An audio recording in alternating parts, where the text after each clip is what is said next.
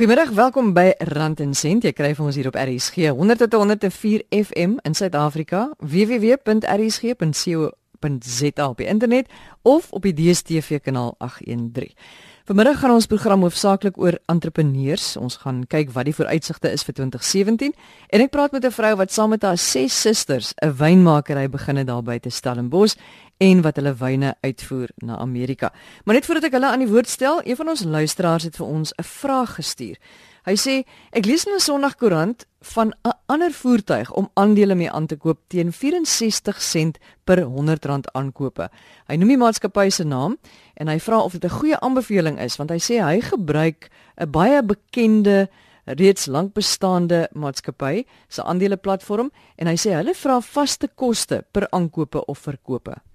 Nou om hierdie vraag vir ons te antwoord het ek vir Andrew Griesel gevra. Hy is van Proverte Wealth en hy sê die volgende: Die vraag is nie een van daai wat jy kan antwoord en een antwoord gaan vir almal dieselfde wees nie. So uh, omdat dit 'n persentasie is, moet hy gaan uitwerk wat die bedrag is wat hy in aandele gaan belê. Nou ek weet op PSG vra hulle uh, 'n vaste fooi. Um, jy kan ook 'n maandelikse bestuursfooi vra. So daar's verskillende maniere hoe jy hoe, hoe die aandele makelaar vergoed kan word. Maar 64 sent op 100 rand is 0,64%. So In sekere gevalle gaan daai 0,64% baie meer wees as die vaste fooi wat 'n PSG aandelemakelaar of enige ander makelaar jou dalk sal vra. En natuurlik moet jy dit gaan vergelyk met wat jy op 'n platform sou vra vir die administrasie. Ek meen as jy na een van die groot maatskappye toe gaan en jy koop hulle aandelefonds op hulle platform en jy maak nie van 'n adviseur gebruik nie, is dit 0,5% of selfs minder. So ek ek weet ek sou nie dink dat die dat die 64 sent en 100 rand noodwendig 'n groot ware proposisie is nie. Ehm um, jy moet dit gaan beoordeel ten opsigte van 'n klomp ander goederes en die grootte van jou belegging in hierdie spesifieke geval waarna hy verwys is die belangrike faktor. Moet 'n mens nie versigtig wees vir enige maatskappy wat adverteer nie sonder om nou hierdie spesifieke maatskappy af te skiet ou moet verstaan waarvoor jy hulle betaal. So um, indien dit 'n gereguleerde omgewing is en hulle net 'n online stockbroking account het, as ek nou die Engelse woord sou kan gebruik, is daar gewoonlik nie wesenlike gevaar rondom die goed nie. En onthou hierdie is 'n fooi wat ehm um, relatief laag is en maandeliks verhaal word. So tipies die die mense vir wie jy moet op jou pasoppens wees is wat groot aanvanklike fooie vra of waar waar jy die geld in hulle rekening moet inbetaal. So hy moet maar net seker maak dat die geld as hy wil belê in 'n aandele dat dit wel by die by die JSE uitkom. Maar ja, jy weet ek ek dink die rule of thumb is maar dat as as jy 'n keuse het tussen twee opsies en dis min of meer dieselfde, sou dit waarskynlik slim wees om met die meer bekende naam te gaan. Maar aan die ander kant is ook, jy weet, kompetisie is 'n goeie ding. So ou wil nie die nuwe toetreders tot die mark eintlik in die voetskiet met daardie kommentaar nie. Die lank en die kort is maar net dat as hulle lisensies in plek is en as hulle dinge doen soos dit gedoen moet word, um, en hulle is goedkoper want hulle wil graag markaandeel kry, is daar geen rede om hulle nie te ondersteun nie. Baie dankie aan ons luisteraar vir daai vraag en baie dankie aan Andrew Griesel van Proverte Wealth wat dit vir ons beantwoord het. Jy kan gerus ook jou vraag instuur na rsgrandencent@gmail.com. rsgrandencent@gmail.com. In die tweede deel van ons program gaan ek met Vivian Kleinhans praat. Sy het saam met haar ses susters die Seven Sisters Winery begin daar by te Stellenbosch oor hoe hulle die groot stap gedoen het in die moeilike wynbedryf, die uitdagings wat daar is en ook die raad wat sy miskien vir ons kan gee of vir voornemende entrepreneurs. Maar net vir 'n oorsig oor 2017 se vooruitsigte wat entrepreneurskap aanbetref, is Christo Botha op die lyn. Christo is die uitvoerende direkteur van Business Partners en hy is die koördineerder en gesprekspersoon van die entrepreneurs van die jaar kompetisie.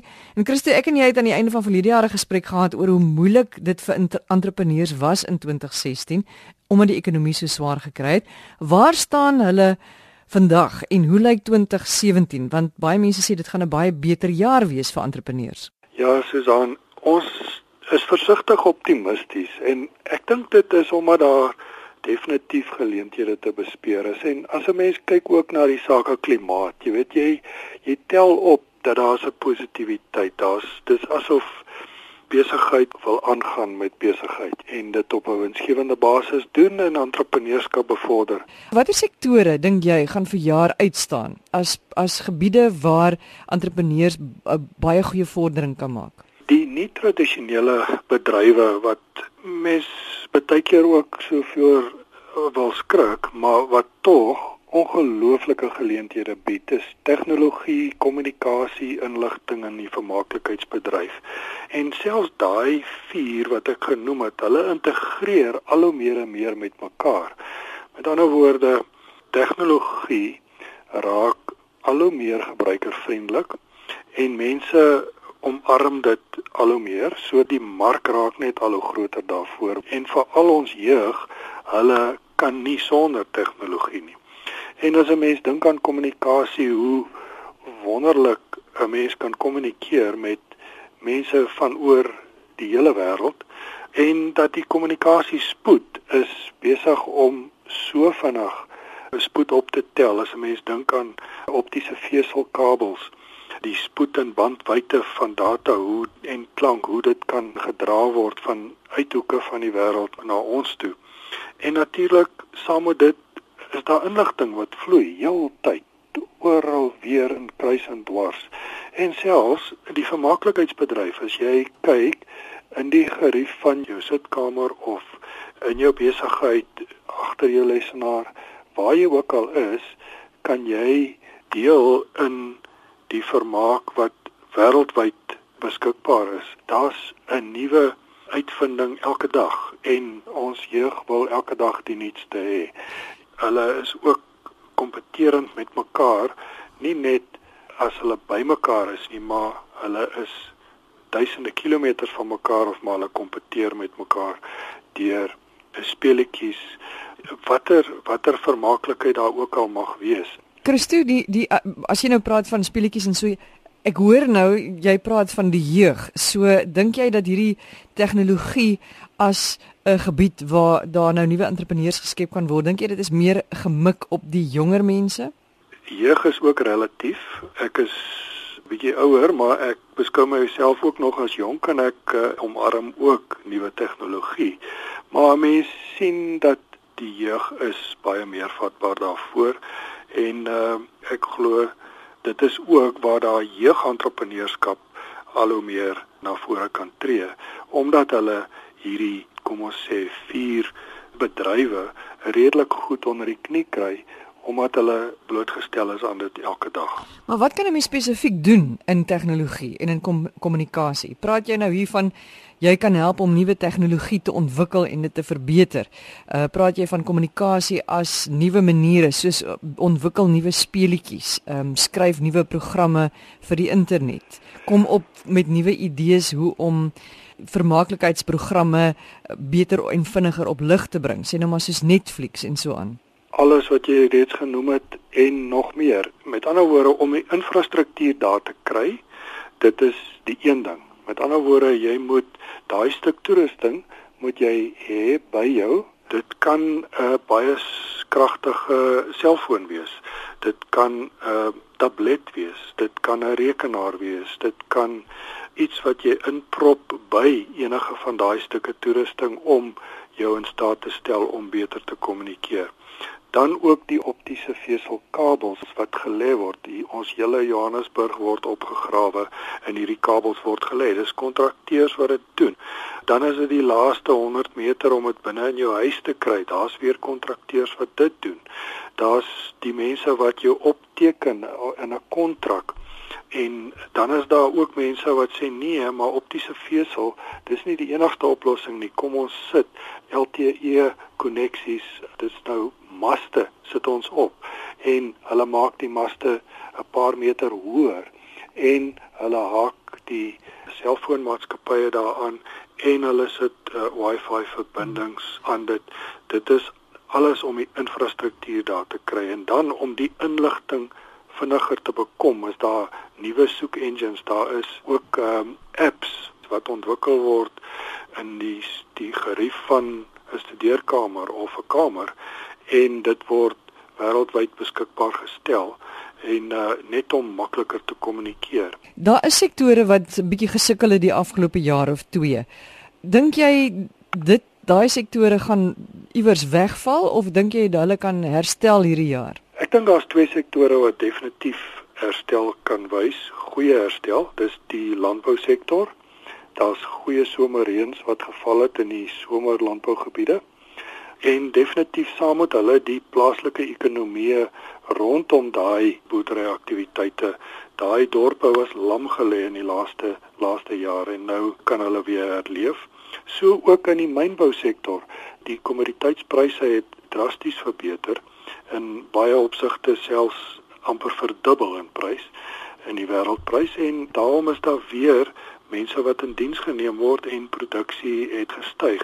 En dit het natuurlik 'n ripple effek op die plaaslike ekonomie waar daai myne is en ook in die vervaardigingsbedryf soos byvoorbeeld die ingenieurswerkswinkels ensovoorts wat daai toerusting moet onderhou wat in die myne geontplooi is. Dan dink 'n mens aan die toerismebedryf, want die toerismebedryf is iets wat vir baie lank vir baie mense 'n goeie inkomste gegee het. Mense het gastehuise begin. Mense het begin om produkte te maak wat spesifiek is vir die toeriste.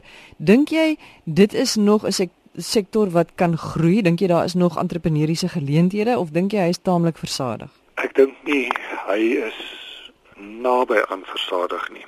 Daar is nog duisende, ek wil sê miljoene buitelanders wat na ons land toestroom.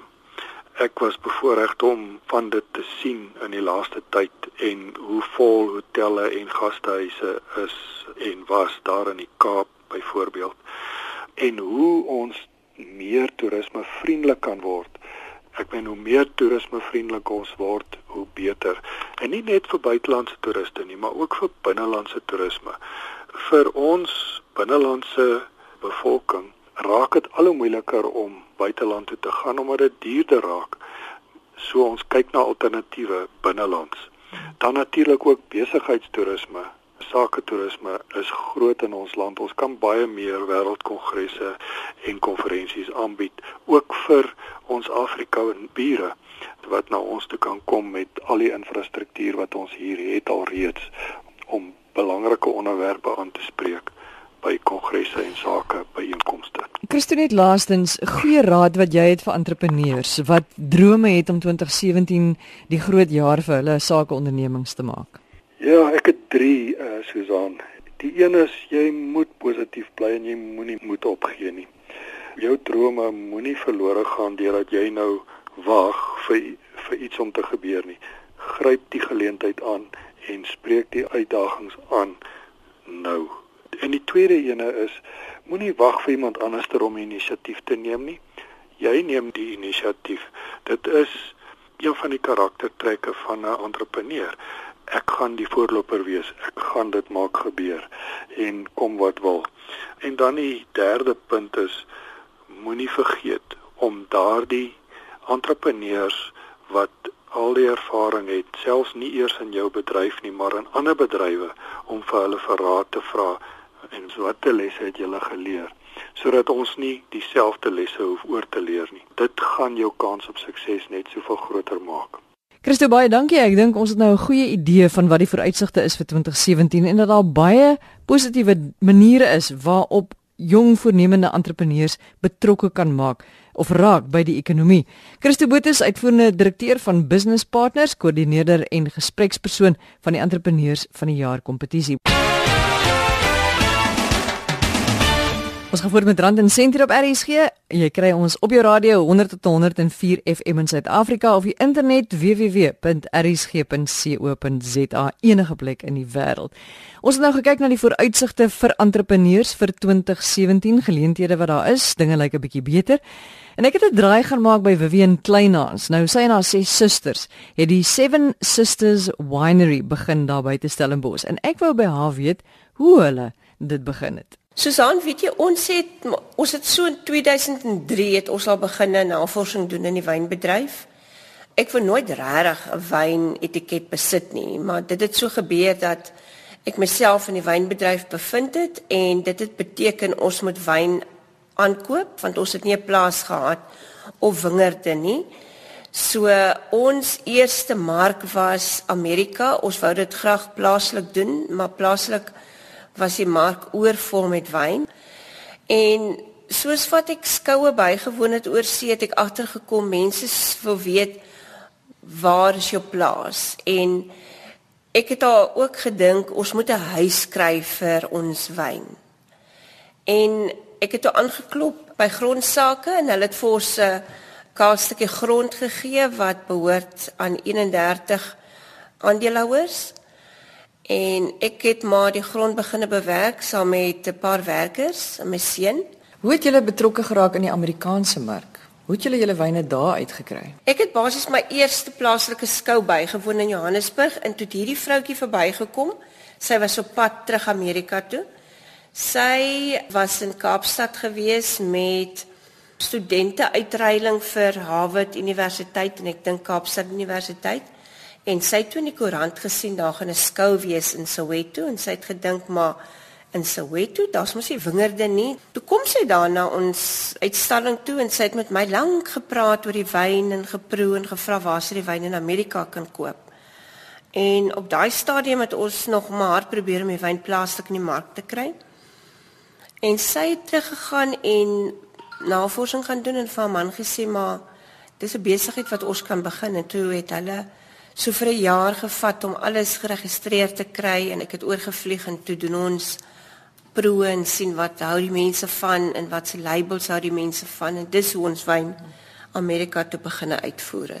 Daar's baie mense wat droom om so iets te doen en jy het gegaan en dit gedoen. Wat maak dit 'n mens 'n droom kan verwesenlik? Want ek is seker dit was nie maklik nie, soos jy sê, die mark in Suid-Afrika wat wyn aanbetref is redelik versadig. Daar is soveel verskillende soorte wyne. Daar's soveel mense wat graag wyn wil maak. Hoe het julle dit gedoen? Ek dink ek dink aan iets of ek droom oor iets en dan doen ek dit. Ek is 'n doen mens. En miskien verstaan baie mense nie, maar ek het 'n baie noue verhouding met met Jesus. En ek voel ek doen alles wat ek kan. Ek werk baie hard. Maar dit wat ek nie kan doen nie, kan hy vir my doen. So ek vertrou absoluut my besigheid in sy hande. En ek dink as jy volgens daardie prinsipels kan leef en dink en jou besigheid daarom om kan bou, dan is jy veilig. Want ek het nie ek raak nie beangs oor as my produkte nie verkoop nie of beangs oor dat ons nie vorentoe beweeg nie want ek verstaan daar's rustye en jy moet wag op hom. Die uitdagings wat jy alles gehad het. Ja. Die uitdagings gaan maar alles oor geld. Want as jy nie geld het nie dan kan jy nie goed doen nie. En dan moet jy op mense staat maak om jou te help. So jy moet maar jou omring met die regte mense.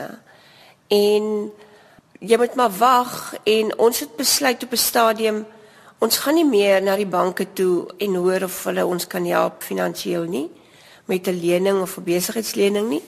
Ons moet wyn verkoop en met die profite werk. En dis wat ons begine fokus het op om die produkte verkoop en dan wat ons het moet ons weer inploeg en daarmee werk. So ja, jy kan nie sommer net geld spandeer, jy weet as jy besigheid begin nie. Jy moet regtig jou geld vashou en jy moet dit regtig goed aanwend en nie sommer net goed moet dinge koop, aankoop en bemarking probeer. Alles moet regtig oordink word voordat jy in 'n mark ingaan en hoe gaan jy die sente omdraai en waar gaan jy dit vir jou die beste saak in sin maak? En vir my was dit die beste sin gemaak is om 'n vliegkaartjie te koop en 'n hotel te bespreek en voetwerk te gaan doen in die Amerikaanse mark. So ons het gestap. Ons het wyn in 'n sakkie gesit en ek het ek en my invoerder het baie dae het ons mekaar gelag. Want ons het letterlik gaan klop aan die deure met ons wyn en dan vra ons vir want daar's baie individuele wynwinkels wat nie soos ons sinne is Ons het so drankwinkels, by hulle sit butiekwinkels. Dit van die winkels lyk soos amper soos 'n juwelierswinkel. En dit dis makliker om by sulke plekke in te gaan en te vra stel julle belang. Ons is 'n vroue maatskappy, ons wil graag ons produk bekendstel in Amerika. En ek het nog nooit weggestap van dit waar mense sê nee, ek stel nie belang nie of dis nie die wyn wat ons wil hê nie van nou ons het nou al klaar ons research gedoen. Ons het nou klaar uitgevind wat soek die mark, waarvan hou hulle. En ons fokus was gewees om 'n ligter wyn, vrugtige wyn bekend te stel wat ons as nie wyndrinkers ook kan geniet sonder om ernstig onder die invloed te raak. So dit was vir 'n jong span mense basies, nie vir die konnoisseur of die gesoute wyndrinker bedoel nie. Wat ons ook dan gedoen het is ons noem dit road shows. Dan bespreek ons 'n restaurant of hotel of ons praat met die eienaars en dan doen ons 'n vry wynproe saam met die kosse wat hulle bedien vir die aand. So ons het by tye het ons honderde mense gehad wat gekom het, kaartjies gekoop het en dan het ons aan die einde van die aand kon ons ook die wyn verkoop en dan vir my was dit altyd so snaaks van die mense wat gehad het. Altyd ek moes die wynbottel se etiket teken en datum opsit en my handtekening as dit staan die mense in rye. En wil ek lag nie want vir my was dit snaaks in Suid-Afrika die werk het nie so nie. Maar daar was dit vir hulle so 'n vooruitsig en 'n motivering dat vroue dit ook kan doen in hierdie bedryf. Wat was nog uitdagings of swaar lesse wat julle maar swaar moes leer? Wanneer jy in so 'n bedryf is, moet jy self leer om goed self te doen. Jy kan nie wag op ander mense of op ander mense altyd vertrou nie. Alhoewel jy moet vir jou omring met goeie mense wat jou kan uithelp wanneer jy hulle nodig het. En ek kan vir jou eerlikwaar sê ek het baie goeie bure. As my trekker gaan staan, kom hulle en hulle kom help, maar ons moet daai verhouding eers opbou. Voor dit het ons maar baie swaar gekry want nou hier ek iemand se trekker en ek het dit nodig vir vandag of vir môre, maar hulle het dit ook nodig. So ek moet nou wag tot wanneer hulle klaar is. Maar ek dink die laaste paar jaar was beter as in die begin want jy het jou ek het my verhoudings opgebou en ons het vertroue beginne kry in mekaar. So so mense help graag. Raad wat jy het aan voornemende entrepreneurs en spesifiek mense wat in die wynbedryf 'n deurbraak wil maak. Weet jy toe ek begin het in die wynbedryf toe sê die mense vir my dis 'n baie intensiewe die Engelse woord is capital intensive besigheid. Ek het nie dit regtig verstaan nie want dat jy eintlik eers baie geld moet uitgee voordat jy kan geld maak. Jy moet branding kan doen, jy moet jy moet die regte materiaal en goed hê om na skou toe te gaan en daarvoor het jy geld nodig.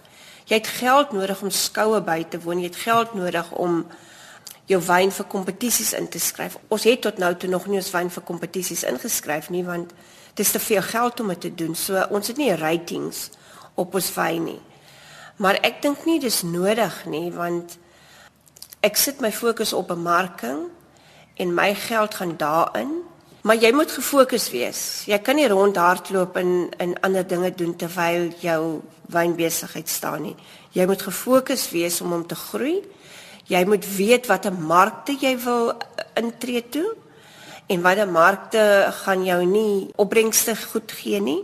Vir my is die plaaslike mark gaan my nie opbrengste gee nie. So ons het hierdie plek in Stellenbosch, ons lokaal waar ons wynproe doen, waar mense na toe kan kom en dis van waar ons nou ons produk verkoop. Maar verder het ons vier buitelandse markte wat ons op konsentreer en vir hierdie jaar gaan ek dit intrek tot net een mark wat ek regtig gaan fokus op. Maar jy moet nog steeds skoue bywoon om mense nader te trek na waar jy is. Nou ja, dit was my kuier daar by Vivian Kleinhans. Sy is die bestuurende direkteur van die Seven Sisters Winery. En terwyl ek by haar gekuier het, die een tema wat deurgekom het die hele tyd was geweldige harde werk. Fokus, verbintenis tot jou droom en die doel wat jy wil bereik, goed te bemark en dan hard hard hard te werk. Dis die einde van Rand en Sent vir die week. Baie dankie vir die saamluister. Onthou die e-posadres rsg@randencent@gmail.com. rsg@randencent@gmail.com. Volgende week praat ons verder van my Susan Steyn. 'n Wonderlike week. Totsiens.